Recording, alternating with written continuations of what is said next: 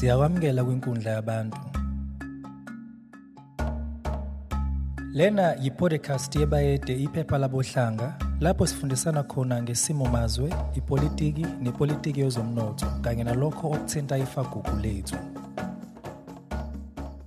Leli ngelinye lamaqembu amadala eNingizimu Afrika nokuyiqembu elaliyingxenye yomzabalazo wokukhulula abohlanga kubadeshi. I-Pan-Africanist Congress of Azania esungulwe usolwazi uRobert Mangalisa Sobukwe. Iningi labantu lalilinde ukuthi uma kubuye ekudingisweni leli qembu lizoba nomnikelo omkhulu ekwakhiweni kwezwe elisha nayilapho abahlanga bayobe sebekhululekile ngeshwa iy'nkinga zangaphakathi zilenze laxhuka kepha-ke nonyaka njengoba siyokhethweni lohulumeni bendawo nje lithembisa likhulu ukuthi sebekulungisile ukukhuluma ngaphakathi. Ngakho wena njengomvoti lapho ekhaya bathembe ukuthi nakanjani bazokwazi ukuthi bakumele bazokwazi ukuthi balungise iy'nkinga zezwe nendawo le ohlala kuyona. Namhla-ke simemele liqembu elaselisithumela umkhulumeli walo umnumzane uSibu Xaba okunguye ozobe enaba ngokuthi upoqo lo silindeleni kuwo nokuthi usithembisane wona njengoba singena nje okhethweni shwabade Sengibonge mphathi ohlelo. Eh iPAC inhlangano eyaqala ngo1960 eh 1959 to be exact. Inhloso yayo yayikushintsha indlela esilwela ngayo inkululeko. Uyokwazi ukuthi umlando wenkululeko yama-Afrika mude eqala ezimpini esasinazo eh ezasiholwa ngamakhosi. Kwaba khona ushintsho la khona siba neyifundiswa iqala ukuba yizwe elida eh inkululeko. Sathola ukuthi masisuka empini siya ngapha embusazweni wethu oholwa yifundiswa ikakhulu. Sathola ukuthi eh bakholelwa kakhulu ekubhaleni incwadi ekubhaleni amaphepha ekukhalazini sathi thina eh uma kufonywa iPAC eh before ifonywe 10 years earlier intsha yama-Afrika yayithe yona iyaphuma manje ekubhaleni incwadi nokukhalaza. Ithatha iy'nqumo zokulwela inkululeko ngendlela eyaphambili i-positive action indlela engasindlela encengayo necelayo nethi sifakeni singene ngoba thina sikholelwa ukuthi izwe leli sikulo elethu asidingi ukufakwa kulo kodwa yithi esidinga ukufaka amakhona esifuna ukubafaka but asifuni ukufakwa yibo. So yilokho kwenza i-PAC ihluke kwamanye amaqembu ngoba thina sibona ukuthi yonke into uma-Afrika eyomphumelelisa isezandleni zakhe. So saqalwa sathi uma siqala sakhala ngale ndaba ye yamapasi. Angithi indaba yokuhlonishwa nje komuntu omnyama ngoba umuntu omAfrika bekuthiwa umfana bekuthiwa iboy mayisebenze engadini kuthiwa ugarden boy uthi girl lo lo lo girl wentombazane intombazane ena 50 eh yindoda impela eqinile ena ena 55 kodwa kuthiwa uboy ngoba umAfrika wayeyiboy kuyo yonke. Sathi asiyithathe le ndaba silibuyisa isithunzi somAfrika siye emajele sithi abasibophe sonke. Sasazi ukuthi lokho kuyomisa umnotho wezwe eh because abasicindezeli bethu bafuna ukucontrol umnotho bafuna ukuthi sidle makushobona. Singadli makushobona sigibele imoto makushobona so sathi leyo kwento ayenzeka asimise lo mnotho. Ukuze sithathe amapasi sithi lamapasi asiwaphethe amapasi siwashiye emakhaya. Laba ngoba kuyabuya boshelwe ipasi abasibophele lokho kwalidela ukuthi kube ne nokubulawa kwabantu eSharpeville nge21 ngoba amabhunu abona ukuthi lento akusiyo nje imatch akusi kodwa lento izomisa umnotho wabo and bawuvikela umnotho ngayo yonke indlela. Saqhubeka ke ngo1960 ngo-1961 saqala sashintsha i-struggle ngoba sabhenwa saya ku-struggle seyikhali i-PAC yinhlangano yokuqala la e-Azania emva kwamakhosi ukuthi ikwazi ukuthatha ikhali ithathela amabhunu. Saqala ke fokamtaka ngamazembe namaphanga nocelemba nemkhondo asiqalanga ngeyibhamu eh zathi ibhamu ziza ngoba isikhali asibalekile ukwedlula inhliziyo ekulweleni inkululeko. Fanele ingqondo nenhliziyo ibe right ikhali ziyokwenzeka. So saqhubeka ngo-1963 sayishintsha leyo struggle manje sasesifaka ibhamu neyikhali nokuqeqesha abantu bethu ngaphandle. Before eh siphume kwaboshwa abantu abaningi eh uyokwazi mfokamtaka ukuthi eh 95% yabantu abanqunywa la eSouth Africa ngamalungu ePC abaholi bePC um, um abantu aba abebethathe ikhali ukuthi bazovikela lelizwe ngemzimba yabo. Abantu abaningi ababese Robben Island ngabantu bePC i i umuntu okunguye owathatha isikhathi eside kakhulu eRobben Island wathatha 28 years uJeff Masemula wePC abantu bokuqala eRobben Island abePC nokuphumela ngaphandle kemtaka saphuma sayelwa sesingaphandle saze sabuya ngo1994 eh saqhubeka ukulwa.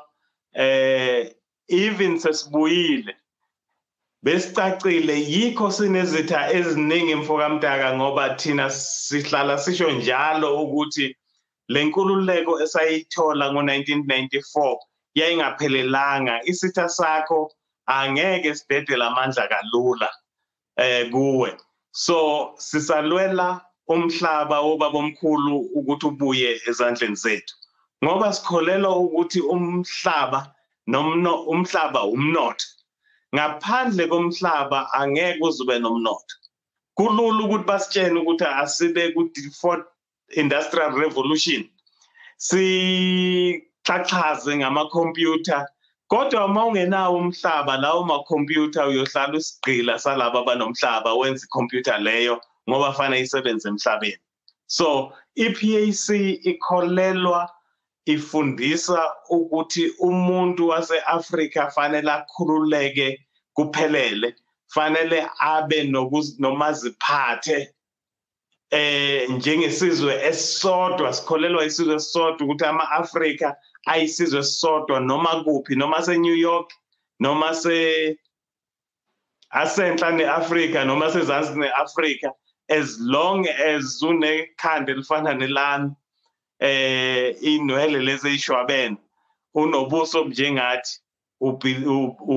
uyingxenye yalesizwe sama-Afrika esisodwa. Singaphezu kwebillion isizwe sethu sama-Afrika esikholela ukuthi yileso silwayo esikholela ukuthi eh uma sisahlukene sisacazululiwe siyohlala siyisizwe esahluliwe sidinga ukuba sodwa sikholelwa ukuzimela ngokomnotho okuphelele Shwabade nembala umlando wePAC unothile njengoba ngiye ngasho nawe ukufakazela lokho. Kepha ke umbuzo engicabanga ukuthi abantu abaningi bayibuza wona nongaba iphuthu uma ngingakubuzi wona ngqo?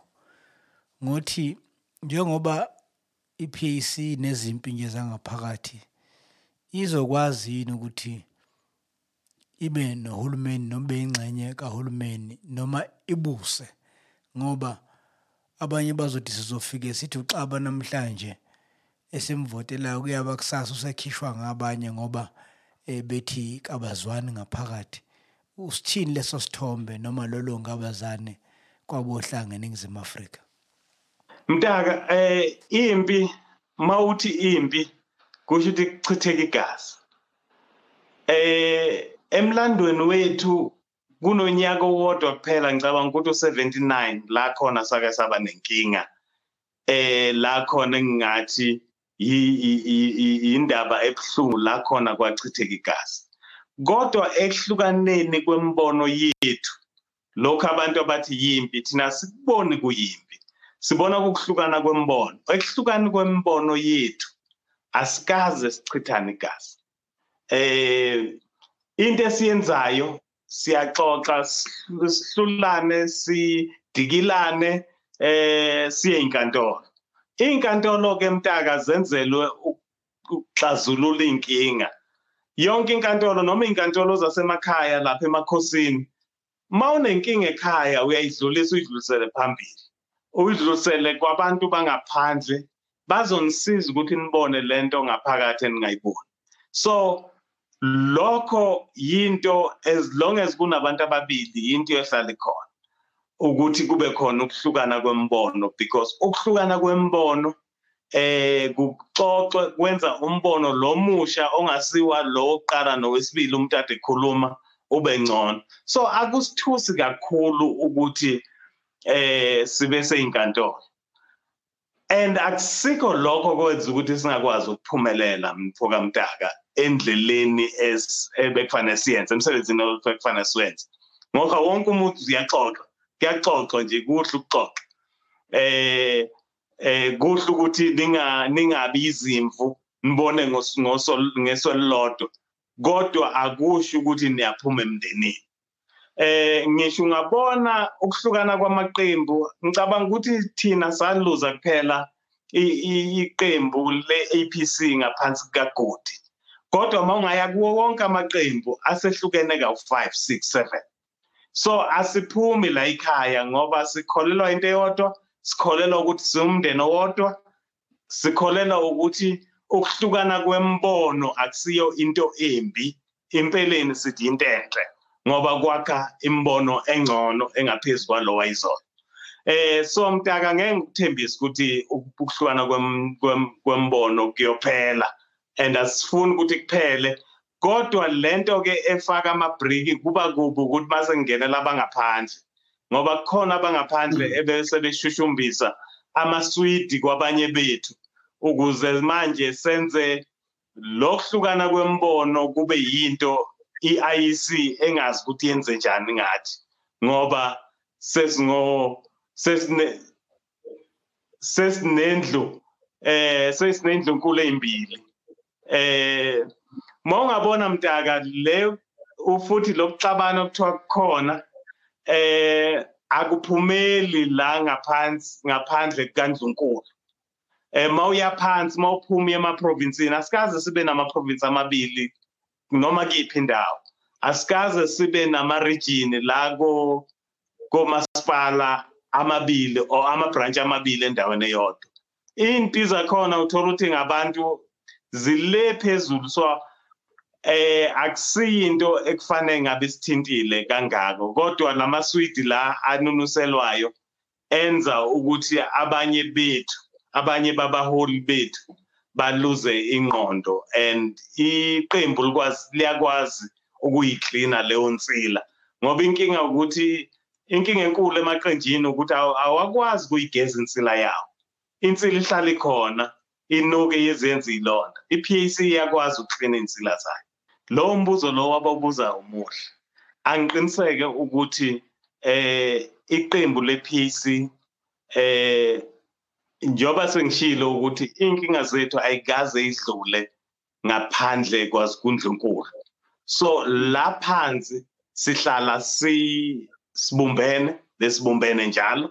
Even la khona bekuthiwa inkinga mntaka ngicabanga ukuthi inkinga esinayo enkulu ukuthi ngoba sifuna ukuthatha izinto abantu aba-owna iy'nhlaka zokuxhumana abazi-ownayo bahlala bespenda ngopende omubi kakhulu. Eh inkinga zethu ezincane zenziwa zibe ngathi zinkulu ukwedlula njengoba bese ngishilo angeke ulithole ithuna la kuthiwa kwabulala nabantu be-PEC bebanga isikhundla kodwa kunamaqembu la abulalana zonke iy'nyanga kodwa awabonakali e-, ehlukene. So kuya ngokuthi i-information egcizelelwayo ngawe yini. So i-information egcizelelwayo yithi yembi yokuzwa abantu bethi sathi sifuna ukududulela belungu olwandle asikaze sikushe lokho. Ayikho neyi-one isikhulumi se-PAC esakusho lokho. Kusho izitha zethu kodwa laba baphethe ezokuxhumana eh bavele basakaze lokhu abafuna kuzuwe ngabantu. Ngamafuphi shwabade uyavuma ukuthi enye yezinto ebulala noma ependa ngongeyikho isithombe ngePC ukwehluleka kwenu? Ukwenza lokho kuthiwa ngesilungu political communication ukuxhumana kwepolitiki. Lokho uyakuvuma sidinga izinda zokuxhumana sidinga ukupholisha indlela esixhumana ngayo iqiniso lelo eh umsebenzi angeke usihlule kodwa si ezokuxhumana zona into ekusafanele siyipholishe. Indawo efanele sikhule kuwe. But not only ukupholisha ikhono eh lokuxhumana. Ukwakha izinto zethu. Njoba ngisho hmm. ukuthi izinto esinazo sixhumana ngezinto zezitha. Eh hmm. uyobona ukuthi inkampani enkulu onamaphepha la iNerspass iNerspass mawungawuthola umlando wayo yinkampani yamabhunu. So isahlezi angeke isakaze ngokugcwele izinto ezithinta izinto ezihlukumeza abamhlophe. Hmm. yikho sibonga kuye yikho sibonga ukuba nenhlaka enjengalezi ezithe ukunaba eyithe kuphuma ezandleni eh zezitha. Siyabonga shwabade ngaleyo ncazelo. Ake singeneke manje ohulumeni bendawo nePAC singakazi singakezwe nje ukuthi nithi nina nizokwenzani. Ake siqale silalele ukuqonda kwakho inkinga ekhona kuhulumeni bendawo eningizimu Afrika. Zimbili zintathu inkinga kohulumeni beyindawo inkinga yokuqala inkinga yisizwe njengesizwe sifuna ukudla la singalimanga khona. Eh sicabanga ukuthi kukhona imana eyofika kithi. Okokuqala ilokho okwesibili sikhetha abantu abangalungelanga ukwenza umsebenzi. Abantu abafuna ukulungisa indlala yabo not indlala yesizwe. Okugcina siqhasha abantu komasipala abangeke abangalungelanga ukwenza umsebenzi. Abangafundanga umsebenzi lo abawenzayo. Omzala babantu neyintombi zabantu nabantu abakhokhile nabantu beqembu. So lezo nkinga ezintathu ziyablock yonke into ekufanele siyenze eh njengesizwe. Eh isizwe si sinecala icala siqala kulo ukuthi sikhetha abaholi ngazothi sikhetha abantu be-fashion show. Sikhetha ama celebrities nokukhetha abaholi. Eh sithatha lento yama elections ngento yo ngazi ukuthi sibukela iclub yebhola ukuthi ngithanda mina ngithanda yipi esikhundleni sokuthi sibheke ukuthi yini engifuna yenzeke emphakathini wakithi ngizoyenza kanjani? So yileso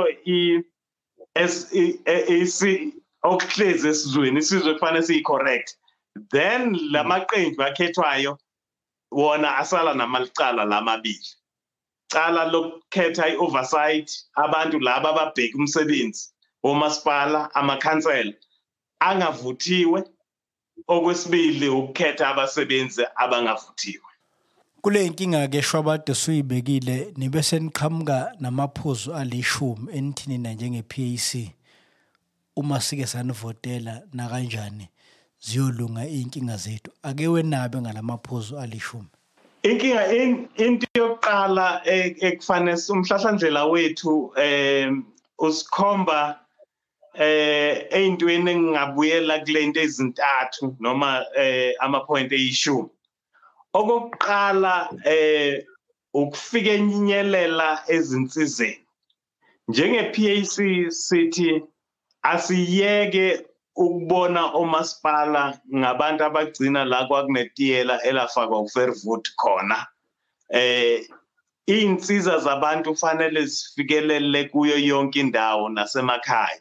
Umasipala akusiwo amadolobha la ade hlala belungu noma la asele nabelungu abathathu.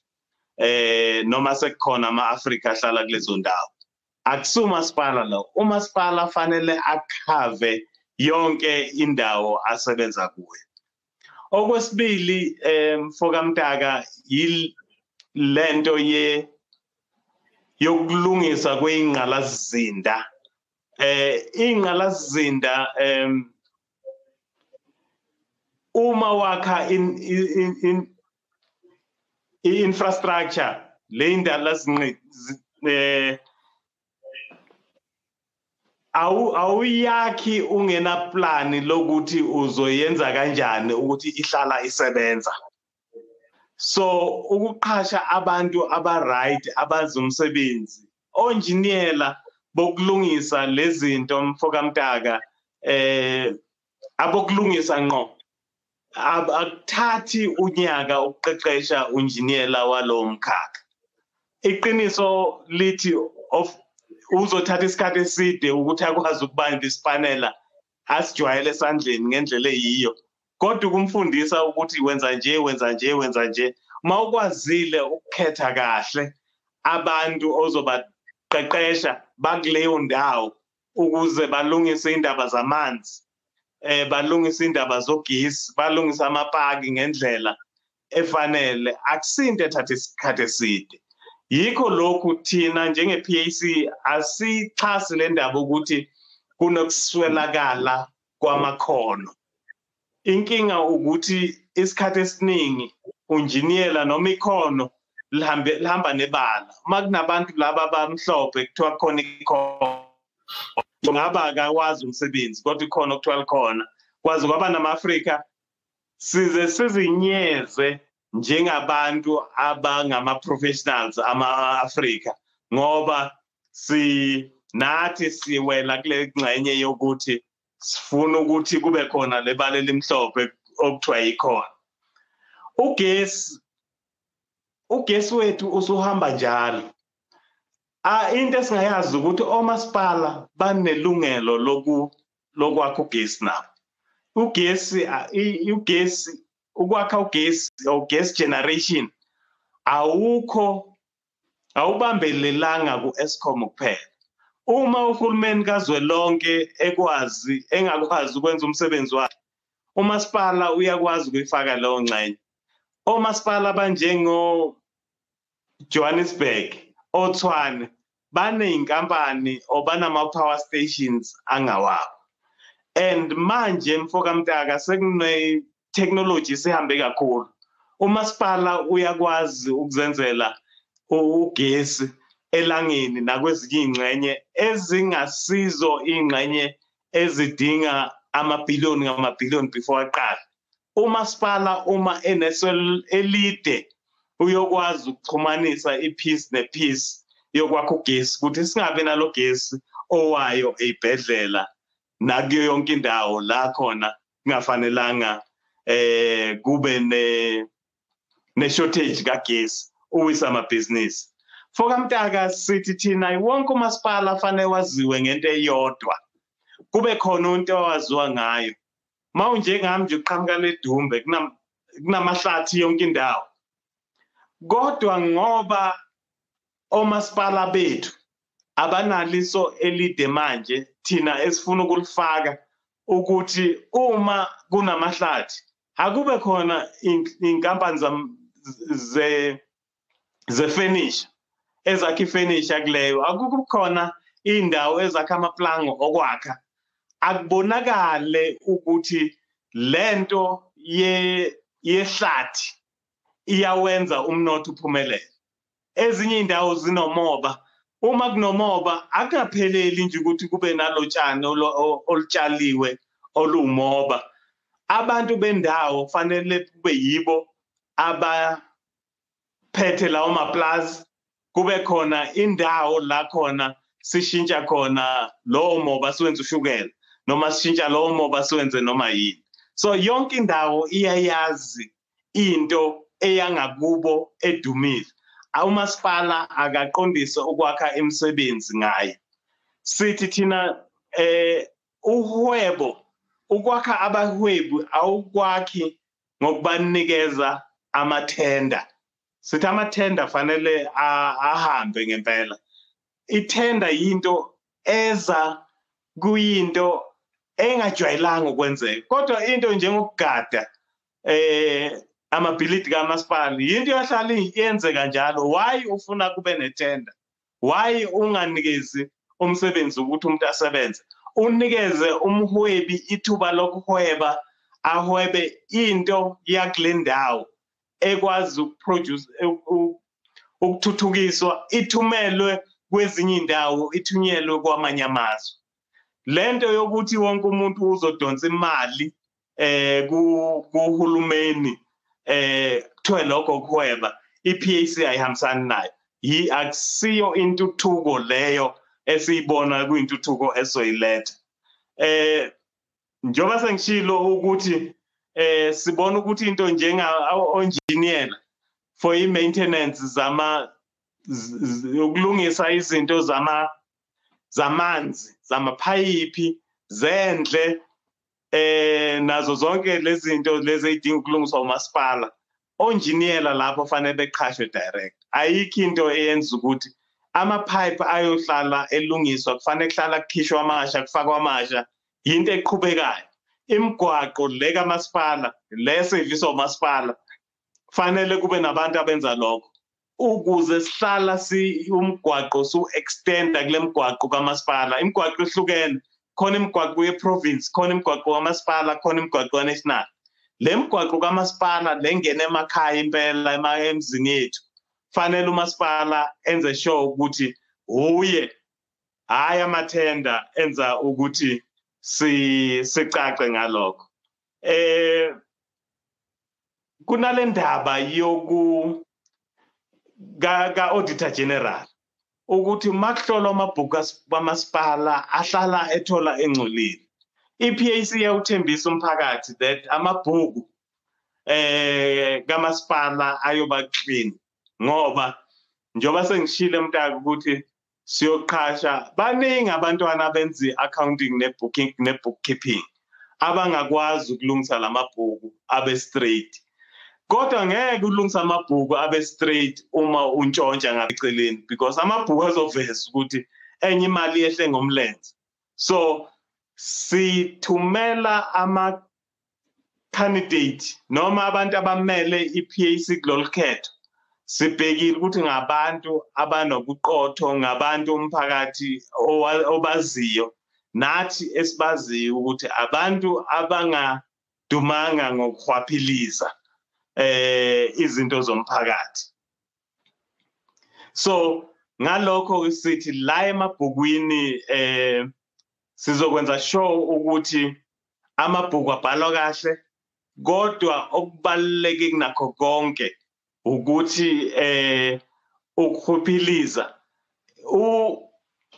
umasipala unamandla okuya e-police station ayo reporter umuntu ohluphilizayo mawungabona manje uma kukhulunywa ngendaba kamasipala nokutshontsha kuze izinto zenzeke fanele kusuka abantu ePitoli e-Union Building. Umuntu uxabana nabantu base-Union Building qala before aboshelwe into agange ngayo kumasipala. Kanti umasipala unamandla okwenza lokho em fokamtaka eh angime lapho eh okwamanje eh ukuthi njenge PAC into esi esi ebaluleke kakhulu kithi umuntu oyikhansela ukuthi enze umsebenzi wakhe umuntu ose-ofisini kamasipala ukuthi wenze into enzekayo ukuthi imali yendawo ayande ngoba fanele sikhiqize endaweni. Indawo ingameli ukuthi iyophonselwa eh amakinathi njengemfene aqhamuke ezandleni zabanye abantu zezinye izizwe Shobade ukhulume udaba lomcwaningo mabhuku ngiyakhumbula nje kumbiko wakhe nonyaka uthe ngonyaka nje owodwa kohulumeni bendawo kulahleke izigidigidi ezingamashumi amabili nesithupha. Uma ngase kule minyaka emihlanu i-PAC kuthiwa inikwa le mali ingenzani ngayo ukulungisa le inkinga eyikhona? Mfoka Mtaka uyazi kulelizwe em manje asithathe nje ukukhuculula kwendle mawungabheka ukukhuculula kwendle mawuya laphana emfuleni emkhulu njengothukela neval river nomngeni uthola ukuthi indle isingena emfuleni. Ngoba eh okokuqala mayi iphuma amapipe ebosheka la endleleni ayageleza uma amanzi em ese uma amanzi uma imvula ina. Okwesibili uthola ukuthi lama lama plant la ekufanele kube yiwa cleanayo le ndawo lezi izinda la kufanele ngabe idamkoko idamkoko ayisalungisiwe sezafa. So i-first part into yokuqala i-PAC yokwenza ukwenza lokuthi abathi ukulungisa okujulile. Siyoklina njoba omama mabesho ngezwe elikhulu bethi i-spring cleaning. I-spring cleaning leye yeyizinda yeyizinda nqangi eh lezi damkok senze sure ukuthi yonke into isebenza ngendlela. Lelizwe alishodi ngemali. Inkinga elinayo lishoda ngabantu abafuna ukwenza into elungile. Yileyo into esibambelele. So uma kukhona le mali siyolungisa kukhona okokuqala. Okwesibili sakhe izinto ezintsha. Uyazi mfoka mtaka eh i lokho kuthiwa i-town planning ukuhlela amadolobha. Ukuhlela kwamadolobha kusame ngendlela efanayo nale yayime ngayo ngesikhathi se-apartheid ngesikhathi sencindezelo asikafiki nokuthi siqale sibheke izinto lezi okuthiwa izinto zokuvikela imvelo i-sustainability. Asikafiki ku-environmental sustainability ukuvikela imvelo nokwenza imvelo iphile kahle ukuze imvelo ikwazi ukusisiza even ukusisiza empilweni eh leyo ukuthi singayi kodokotela nezibhedlela ngoba mawusendaweni engcolile eh lekho kudalela izifo and ukuvikela izifo ukucleana so le 26 billion eh iPAC ingayifaka ukwenza ukwakha infrastructure entsha si sazi ukuthi ikhulile eh sikhulile ngezinga lethu ngeyinombolo sikhulile ngepopulation eh sikhulile nokwakha imizi emkhulu eh ngakho ke izinda lezi ezibalekile lezi ezigadwe umasipala nazo fanele ikhuliswe manje azikhuliswa ziyancishiswa. Amaphayipi mangakutsheka namtaka ngapha amanzi qala u-left kwakwaziwa ukuthi kuhamba amanzi komgwaqo u-right kuhamba indle manje uthola ukuthi kugujwa umgodo wodwa kufakwa ipipe lendle kufakwa ipipe lamanzi. La mapipe manje agcina athelelana gcina ekhaya uthola ukuthi sesiphuza amanzi asethelelene namanzi endle la ngenayo naphumayo asemgodini owodwa. So uma kuke kwabhobulokwa le pipe kwabhoboka leli konakele kusidala izifo. Ngakho ke i-PAC ithi ukwenza i-engineering ukwenza ubunjiniyela nobungqondongqondo ngendlela ey'ntweni zikahulumeni kube ugesi kube ngamanzi kube ngamangcwaba. Eh mntaka angazi nje abalaleli ngaphezulu kwalaba abasethekwini bayokwazi ukuthi sesingcwaba umuntu phezu komuntu kuze kube kabili noma kathathu. Eh uthola ukuthi umuzi eh uma unenhlanhla uzofaka abantu bakubo ndawonye. Eminye imizi izicele ukufaka umuntu phezu komunye umuntu wakomunye umuzi. So leyo nto leyo akukhombisi ukushoda komhlaba. Kukhombisa ukuthi umhlaba awukho ezandleni zama-afrika. Ngakho-ke eh kuvele kube kuthi umhlaba uyadura. Ungathenga umhlaba umhlaba kunguwo okondlayo kunguwo okuphathayo usu usuhambile emhlabeni ngoba yiwo ophethe wena kusuwo ophethe wona. So angeke u-own.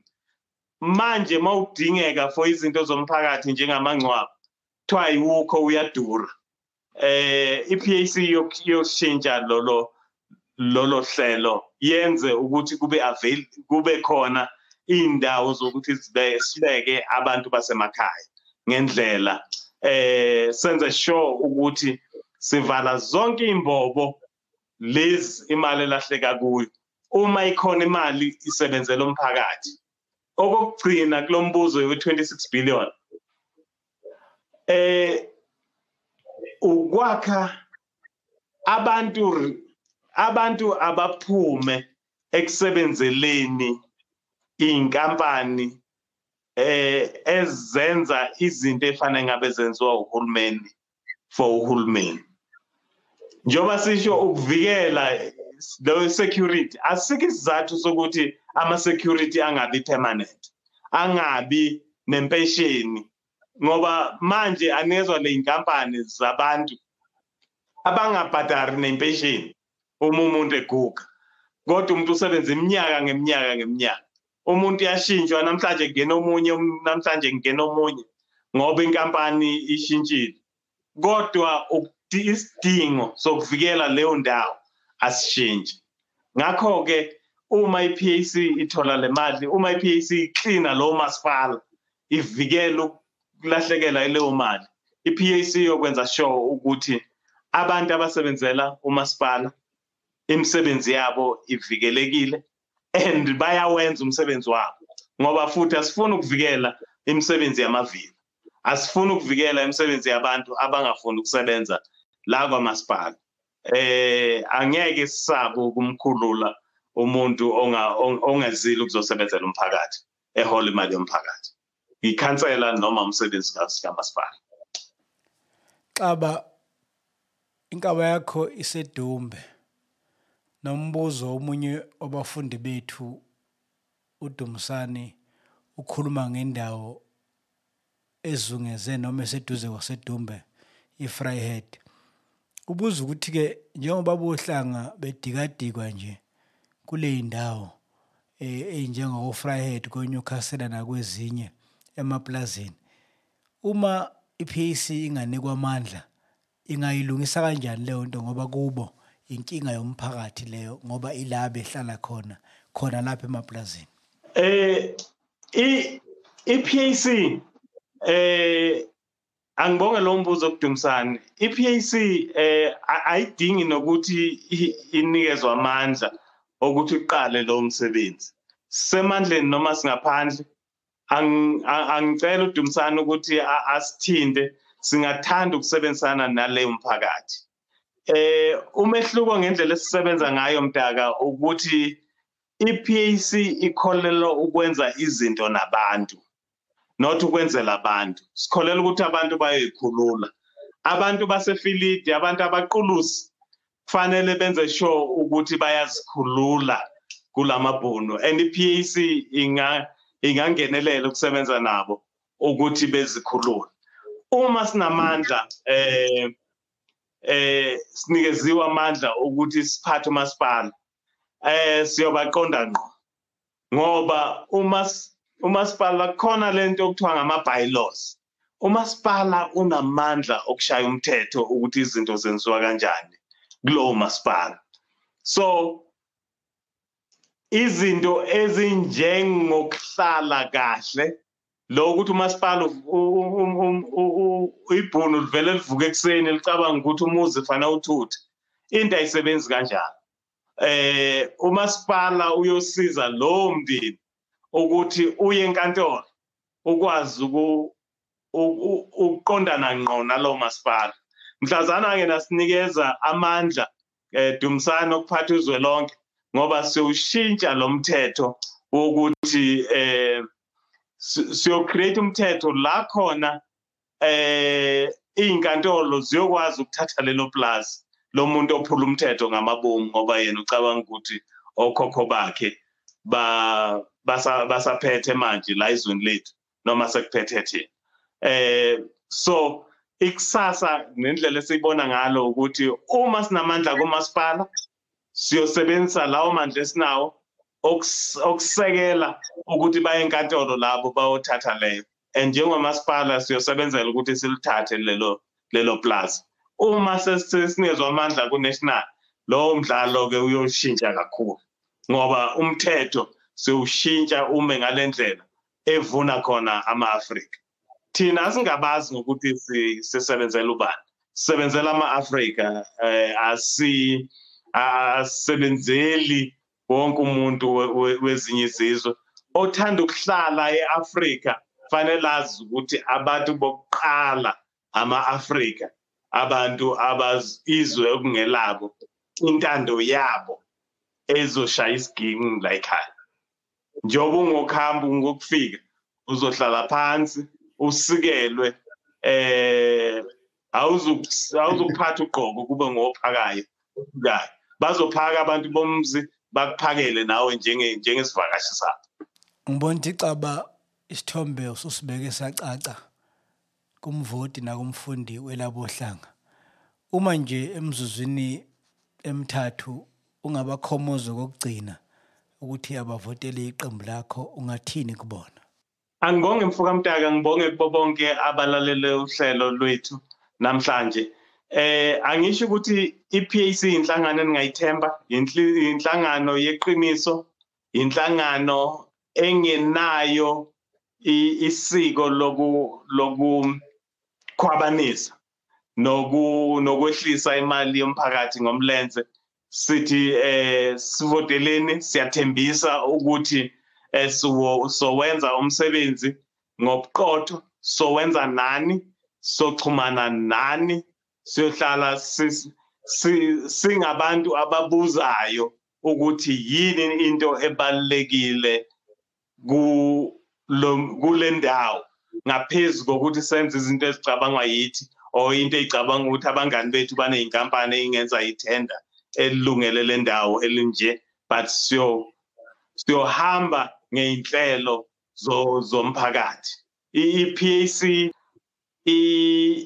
ime endaweni eyodwa sifuna ukuthi umhlaba ubuyele kubanikazi bayo sifuna ukuthi umhlaba abantu bakwazi ukuzimela benze ukudla abakudlayo eindaweni zabo bakwazi ukuthi bakhiqize baze bakhiqizele nezinye izizwe.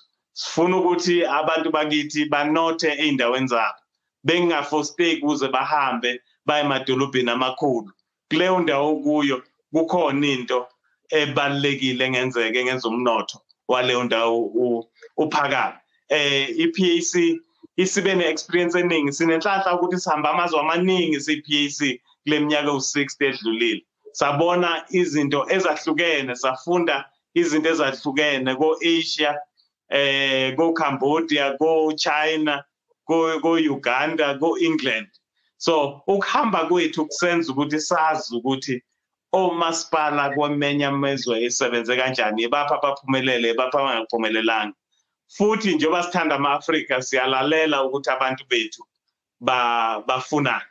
Ngakho-ke uma uvotela i-PAC eh angisho ukuthi njengoba kuhlala kuthiwa siyaxabana eh angeke sisabe ukuxosha abantu abangafuni ukusebenza. Ngoba inkinga enkulu ukuthi amakhansela awafuna ukusebenza acabanga ukuthi azohola la.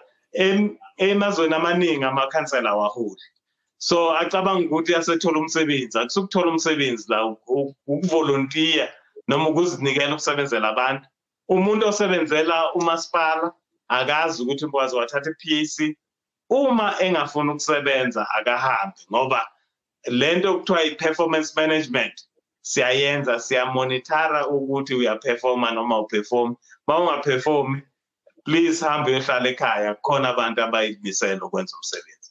Siyabonga mfoka mntana sithokoza kakhulu shwabade kuwe neqembu lakho iPC kanti nawe ke lapha ekhaya noma usemotweni noma ukuphi nje la usilayele khona khumbula ukuthi lokhu esikwenza manje isiqalo nje okukhulu okungaleko khetho la siyobe seselusa ukuthi babethini behluliwe noma bephumelele. Sicabanga ukuthi kumqoka ukuthi thina nawe seluse ukuthi uma benqobile bakwenza kanjani lokho uma benganqobanga baqinisekisa kanjani njengamaqembu aphikisayo ukuthi kuyenzeka lokhu okuhle abantu bazosenzela kona siyathokoza Ubulalele inkundla yabantu lona ngomunye wemikhiqizo ehlanganiswe iGunundu podcast.